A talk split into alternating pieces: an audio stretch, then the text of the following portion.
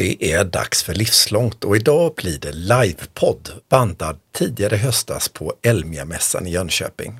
Så varsågod och ta plats på scen Katarina Pietrak med gäst Annika Engström. Livslångt, en podd om lärande.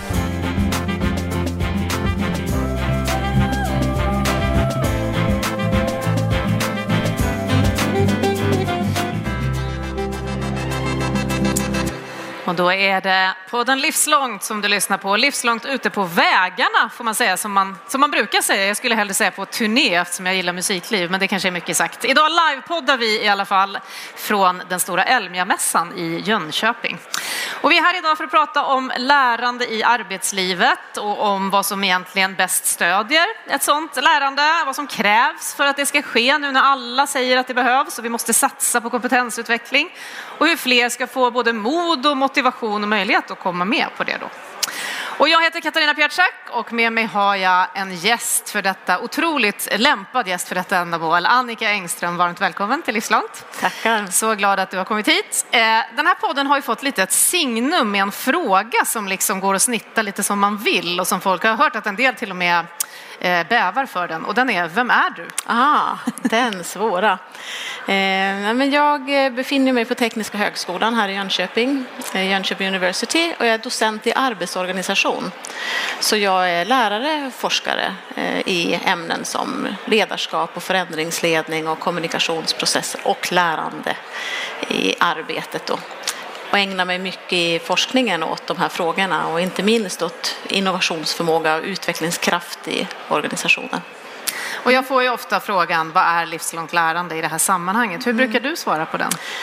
Ja, men på något sätt så handlar det om att eh, stimulera ett ständigt återkommande lärande för olika syften. Det kan ju handla om att människor lär sig för att stärka sig som personer, som individer.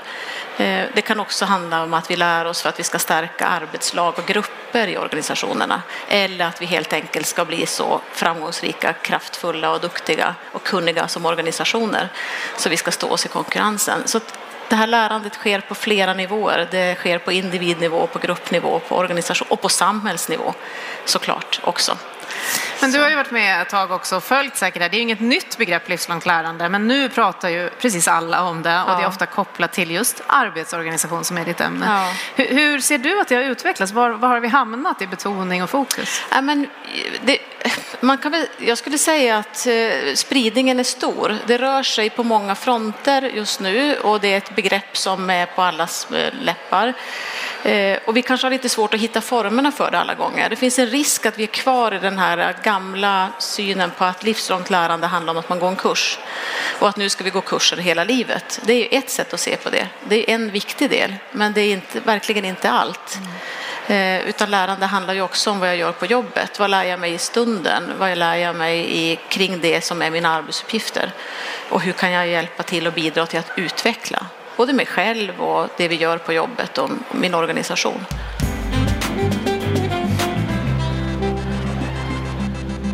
Och du vet jag ju att du brinner för det här precis som mm. jag och ägnar dina dagar åt det. Mm. Om vi då benar ner det där som då inte är kursen, som, mm. som vi kallar på kanske on the job kanske vi säger idag, ja. eller i på jobbet igen. Ja. Hur kan det se ut rent konkret? Vad är det vi pratar om? Um, Alltså, min utgångspunkt är rätt ofta att eh, kanske det bästa, främsta lärandet för att bygga kompetens i organisationen sker när vi får lösa problem. Eh, när vi får vara med och klura på svåra saker och bidra till det som är verkligen utmaningar i organisationerna och att vara delaktig i de processerna där inte allting är så givet. Kunskapen finns inte, jag kan inte läsa en instruktion, vi måste hantera en svår situation i organisationen. Och ju mer jag får vara med i den typen av processer, desto mer kommer jag att lära mig. Eh, och desto mer kommer jag också att kunna bidra till, till problemlösning eh, i organisationen. Och gör vi inte det idag? För jag pratar ju många om att vi inte hittar platsen eller utrymmet för just kompetensutveckling. Är det här då en bristvara? Är inte alla med och löser problem? Jag skulle säga att vi sitter lite fast i en tradition av att vissa utför Vissa gör jobbet liksom och ska producera och andra är med och utvecklar och är liksom i de mera utvecklingsinriktade processerna. Och då får vi ett glapp i organisationen som inte är bra och som, eh, kommer, ja, som kanske kommer att sinka oss ännu mera och ställa till ännu mer problem. Så eh, ja, det, det, det är en stor ansträngning att få till de här processerna. Men man behöver hålla i dem och man behöver eh, bygga strukturer för dem och man behöver leda och organisera för lärandet i organisationen väldigt medvetet. Du har ju varit med mig och oss i projektet Digital pedagogik och kompetensförsörjning med tonvikt industrin. Ja. Industrin som är ett vanligt sammanhang för dig också. Ja. Och de här specifika villkoren och möjligheterna och situationen för just produktionspersonal som vi har tittat på. Vad, vad är dina erfarenheter av dem? Ja, men jag tänker att det finns massor med situationer där pers- produktionspersonal kan vara med och, och lösa problem. Det är maskiner som kraschar eller det är material som inte kommer eller det är flödet i organisationen som inte funkar eller det är, man får plötsligt sjukdomar eller man, brist på personal, behöver sätta in saker och ting. Så det händer ju hela tiden saker i en, en, en produktion. Eh, så det finns massor med tillfällen att lära sig. Ehm, det man i, idag kanske gör det är att ja, vi samlar för jag ser ju såklart möten här som jätteviktiga, hur man samlas och möts kring de här mm, typen av problem och diskrepanser i organisationerna. Idag samlar vi ju människor i industrin rätt ofta i dagliga möten, styrningsmöten liksom dagligen, men de är korta. De har lite för mycket standardiserade eh, agendor och de hanterar inte riktigt de där kritiska situationerna. Eh, man kan lyfta upp dem där men sen är det frågan, vilka får vara med och ägna tid åt att verkligen lösa dem? Eh, och det är inte ofta att det är produktionspersonalen, utan då är det snarare eh, tjänstemannanivån som kommer in eller så. Om vi stannar vid de där mötena så vet jag ju att du just har tittat på kommunikation Mm. som ett, ett verktyg för oss alla, alltid egentligen, men också Ja. för just lärande. Och att det är olika slags kommunikation för olika slags lärande och olika slags möten. Kan Ja. du berätta lite mer om det? Ja, det är det absolut. Jag såg ju, nu backar jag tillbaka till mitt avhandlingsarbete när jag filmade, var väldigt nära möten, filmade och verkligen försökte se vad pratar de om och hur pratar de om. Så, och då kunde jag ju Eh, koppla ihop dem. Och då kunde jag se att men när man är mer i de här utförandefrågorna, det som handlar om att man vi vet vad som ska fram, vi har någonting som ligger i plan eh, i produktionsprocessen. Och då kommunicerar man också med ganska så, när det funkar så kommunicerar man med ganska korta intervaller, man är ganska direkt på, det handlar ganska mycket om direktiv och, och lösningsfokus. Eh, men när man är i den andra logiken som handlar mer om utvecklingsfrågor, när vi inte vet hur vi ska hantera saker och ting. Vi behöver söka ny kunskap eller vi behöver hitta nya arbetssätt. Eller, då behöver man ha en helt annan typ av kommunikationsprocess. Då måste man vara väldigt utforskande, väldigt kritiskt granskande, tillåtande, idé, experimenterande och så vidare. Eh, två helt olika logiker. Eh, och, då, vi behöver tränas i att eh, att kommunicera på de här olika sätten så att vi förstår när vi ska använda det ena eller det andra. Det låter ju som, i- projektet har ju vi eh, erfarit precis som många andra s- redan innan som gjorde att det här projektet ens tillkom, att det är väldigt effektiviserat. En del har tagit bort alla Ja. mötesplatser nästan och Ja. mötesutrymmen. Att det är, det är tajta skift, det finns in, inte så mycket luft emellan och sådär. Nej. Eh, Det här senare som du säger då som vi behöver tränas i, det låter ju som att det skulle ta mer tid. Ja, och är det absolut. någonting vi hör så är det att det finns ingen tid. Nej. Hur går det ihop? Ja, och det går inte ihop. Nej. Nej. Så utvecklingsarbetet måste ta tid. Och det är riskfyllt, för där kommer det att, att vara slöserier. Eh, vi har ju haft tendens till att vi, vi tänker i termer av att min, det ska, slöserier ska minimeras. Och vi får liksom inget slack överhuvudtaget i våra liksom, produktionsprocesser och då får vi heller inte utrymme. Ehm, så det finns en jättestor risk att man magrar av för mycket. Så det här är en ledningsfråga. Det, är en, det handlar om strategier och prioriteringar i organisationen. Och sen måste man träna ledare att leda utvecklingsarbete. Det lär man sig inte bara med automatik. För går man bara på det som är min, mina basfärdigheter, då springer jag på det som handlar om utförandet. För där brinner det. Där får jag snabb feedback. Eh, det är mycket lättare att vara i. Eh, jag får mycket mera liksom, positiv respons när jag är där dagligen och löser problem. Det är mycket svårare att ge sig ut i det här utforskandet, utvecklingsinriktade, där det kan finnas motstånd och det kan vara svårigheter och det är komplexa saker när man ska samverka mellan olika funktioner och så vidare.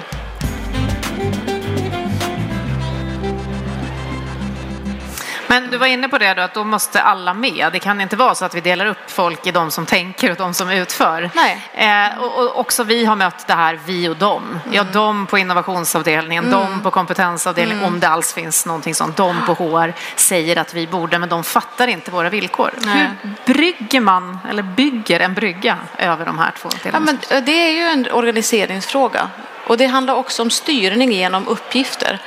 Vad är det för uppgifter som man ska göra? Vad krävs för beslutsfattande? Lägger man beslutsfattandet på i den vertikala strukturen, alltså hierarkierna, i, i liksom att det finns, eller lägger man ut beslutsfattandet på gruppnivå i de mer horisontella strukturerna? Så att man, man tvingar fram eh, kommunikationsprocesser och ställer krav på grupper att leverera gemensamma och så vidare beslut. Så det här är en, en fråga om att, eh, att leda och organisera arbetet och lärandet som går väldigt mycket hand i hand. Har du sett några riktigt bra exempel där man verkligen har lyckats göra det här? Ja, absolut. Jag har sett jättemånga goda exempel, inte minst i våra forskningsprojekt där vi jobbar mycket i samverkan med företagen, tajt i samverkan under flera år. För det är ingen quick fix det här. Det, man måste liksom jobba på flera fronter, man måste göra flera olika saker samtidigt och eh, också ha lite ha stöd. Och i forskningsprojekten så får de, företagen stöd av varandra och vi har också möjlighet att supporta som forskare och vi kan också kanske gå in och förklara vissa fenomen och så. Jag tycker att när organisationer börjar vända in och titta på sig själv ordentligt och verkligen förstå sina fundamentala problem och sina återkommande störningar, eh, då, då börjar det hända saker. Så det är ju någonstans i grunden den här självinsikten som är jätte, jätteviktig. Då händer det grejer. Och det, för att man ska förstå sig själv i en organisation, då måste man fråga många. Då kan man inte bara fråga sig själv som vd eller som produktionschef eller som i ledningsgruppen. Man måste ställa frågan brett. Så jag, när vi ser att organisationer börjar samla sin personal på ett mer medvetet sätt så får det konsekvenser. Mm, Då händer det positiva saker. Oftast är de oroliga för det. Ledare kan vara väldigt oroliga för det. Att släppa Vad är de rädda för då? Ja, men det handlar ju om att vara rädd för att släppa kontroll. Men det handlar ju också om att vara rädd för att möta kritik eh, och rädd för att se svårigheter. För det blir tungt och jobbigt och det är ju det. Det är ju supertungt att få höra saker och ting som inte funkar. Eh, Men, jag brukar också säga att en tröst är då att så länge folk skriker och är arga och frustrerade, då har man en frisk organisation. När den är tyst, Ja. då är det fara på färde.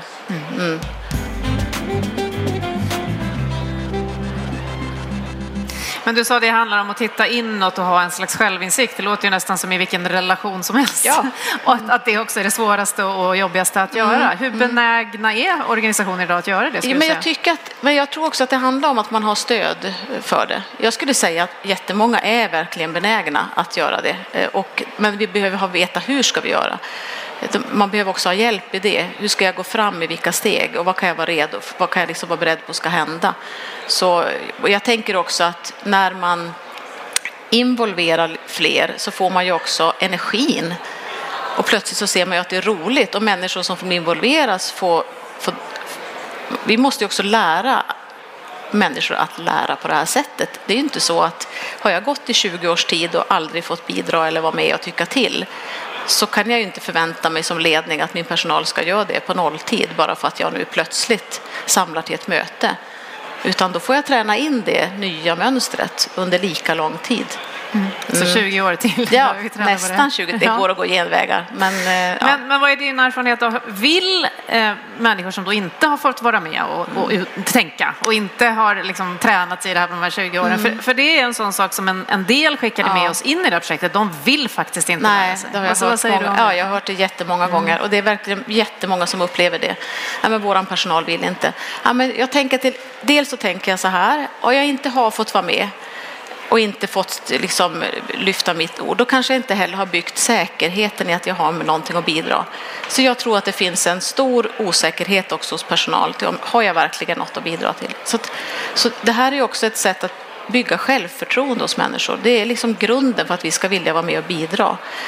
Eh, så det finns säkert extremer som inte vill lära, men jag skulle verkligen säga att det hör till undantagen. Mm. När vi människor väl börjar behärska saker, börjar upptäcka att vi kan, börjar upptäcka, då vill vi ha mer.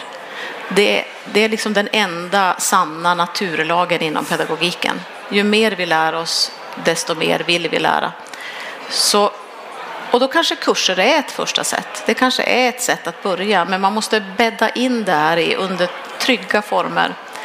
Eh, Många säger också att de inte vill ha det som i skolan, att de Nej. är lite stukade av det. Det måste vara ett annat ja. sätt. och då lära. kanske det är att få, jobb, få lära sig precis i anslutning till det jag håller på med. Mm. Och få vara där och fördjupa mig och lära mig och hitta nya metoder. Det som känns hemma, det jag kan redan. Mm.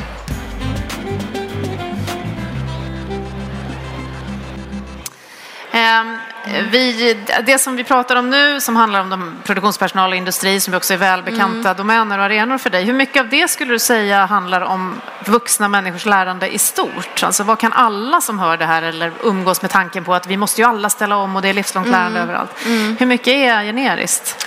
Ja, men jag skulle säga att det är det för alla. Det, det finns liksom fundamentala eh, faktorer här kan man säga som, som spelar in. Att ja, men vi, vi behöver trygghet på något sätt. Vi behöver få kunna göra vår röst hörd. Eh, vi behöver ha strukturer där vi får möjligheter att uttrycka oss och tycka och tänka till och prata. Ibland, eh, vi har en av företagen som är med i projektet, de brukar kalla det för att de provpratar. Jag tycker det är en så bra idé. Så liksom, ja, men om vi inför vi det, den kulturen på arbetsplatserna att man får tycka lite hej och hå. Liksom. Jag kan ha synpunkter och, och, komma med idéer och det är inte så farligt om de inte är så. Eh, och det är ju trygghetsaspekter. Men också att jag vågar lyfta eh, problem. Att jag vågar liksom vara kritisk eller att, jag, det, att det verkligen är tillåtet eller till och med att det är väldigt uppskattat. Eh, så får man liksom ett, en driv eh, i det. Vi har ju haft avsnitt tidigare om just psykologisk trygghet och lärande och hur nära det hör ihop. Och så tänker jag också att när det väl brinner eller det är något problem som mm. kanske är allvarligt eller så, mm. det är då det är upp till bevis på något sätt. Ja. För om jag säger någonting och vågar ta ett steg, tar ja. en risk och så blir jag nedskjuten då, då vågar jag ju aldrig Nej. mer. Så jag har tänkt på att det är många små situationer där det där behöver manifesteras. En, en annan sak är också att man måste få vara med där det är lite utmanande. Så en arbetsplats som inte har kul grejer man lär sig kommer ha svårt att locka till sig folk. Eh, alla vill vi ju känna att vi är någonstans där det är puls och på något sätt att ehm, ja, men det jag gör på jobbet det är något speciellt. Eh, jag bidrar verkligen och jag, hos oss gör vi häftiga grejer. Eh, liksom. Den känslan den tror jag är jätteviktig och den tror jag är superviktig för att vi också ska vilja vara där, fördjupa oss och bidra liksom ännu mer. Mm. Ja, för det är också intressant. Vi har ju gjort lite workshops ute på företag och jag tror mm. aldrig jag har hört så många samtidigt prata om medborgarlön. Mm. Alltså i bemärkelsen att nej, men mitt jobb kanske försvinner eller jag kan inte ställa om för jag är inte ingenjör, jag kom direkt nej. från skolan. Ja. Eh, och det är nog någon annan då, jag ska nog gå och fiska i, mm. i princip så. Va, vad tänker du om, vad, vad är den här är kompetens? Vad är det vi ska ställa om? Vad behöver vi lära? Alltså jag, när du sa så där så tänkte, slog det mig plötsligt också att det finns ju, vi, idag lutar vi oss på ganska gamla teorier. Vi vet ju rätt mycket om vad som stimulerar människors motivation och prestation. Det är ingen rock and science, det vet vi. Vi vet en sak till exempel att det jag gör ska vara till nytta för någon annan. Det är ytterst få av oss som triggas av att bara göra det vi själva tycker är kul. Eh, det finns en jättestark bindning där i att ja, men det jag gör är till nytta för andra. Det är en sån viktig, viktig faktor. Ehm, så att men om det kanske behövs mer högutbildade ingenjörer till exempel, det är högteknologiskt, mm. många hoppas på mm. teknik och sådär. Finns det en plats då för att få med alla ombord? Men där, handlar det också om att få vara med och leka, så vara med och lösa problem kring teknik. Om jag får närma mig teknik, jag menar nu, vi har ju ett projekt som handlar om AI-transformation i organisationer eh, och där har det varit ganska många som säger så här, men jag vet nog inte riktigt vad AI är för någonting, för det liksom blir så diffust och så. Men när de väl får börja jobba med tekniken eh, och få hitta någon avgränsad process i organisationen som man tittar närmare på. Se, kan vi ta in algoritmer som gör något jobb här? Har vi den typen av data som behövs? Och så får man i teamet vara med och, och liksom jobba med. Men plötsligt så kommer lärandet och intresset. Och plötsligt så har man lite grann eh, rivit den här fasaden av att det är så otroligt svårt och komplicerat och avancerat. Och, Och att det bara behövs ingenjörer. ja, precis ja, dessutom. Ja.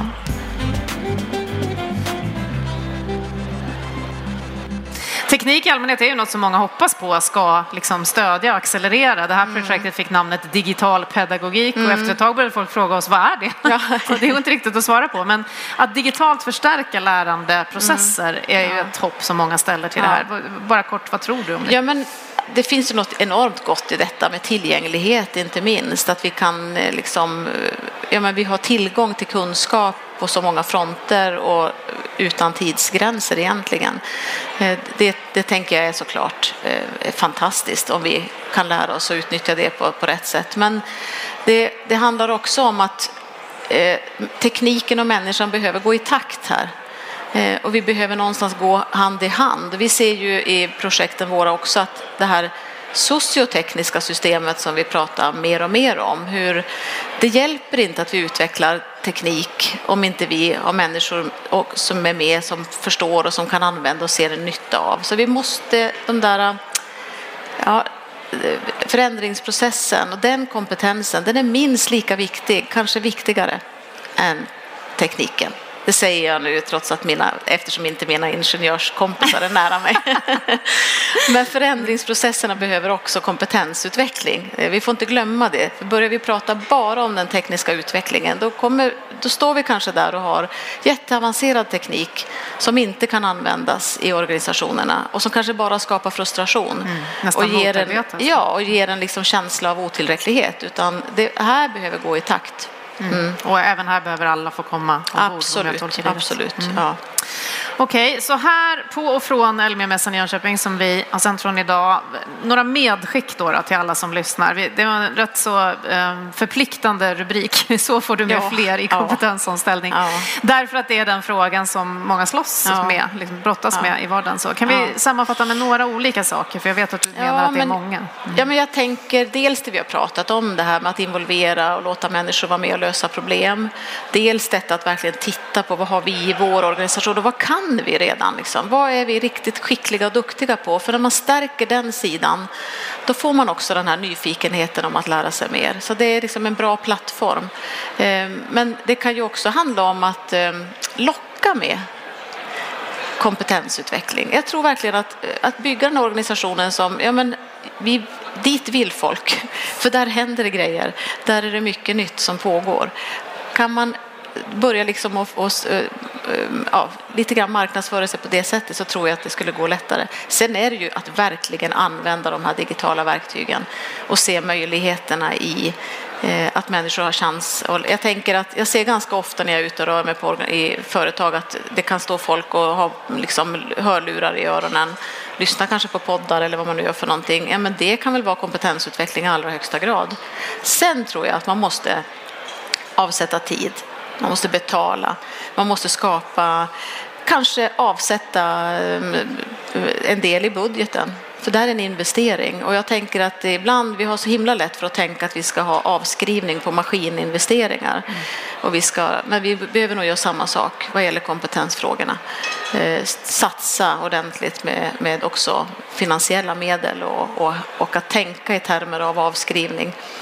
Eh, också på kompetensfrågorna. Vi pratade med ett litet företag i Gnosjö som anställde en lärare Ja, på heltid och ja. ökade både omsättning och personalstyrka och Ja. kompetentimmar till Absolut. enorma nivåer. Jättebra Så idé. det låter som att det är något sånt som du är inne på. Ja, och överhuvudtaget att börja tänka i att anställa andra kategorier än man tidigare har haft. För det tillför också den här dynamiken i, i lärprocesserna och att få lära av varandra.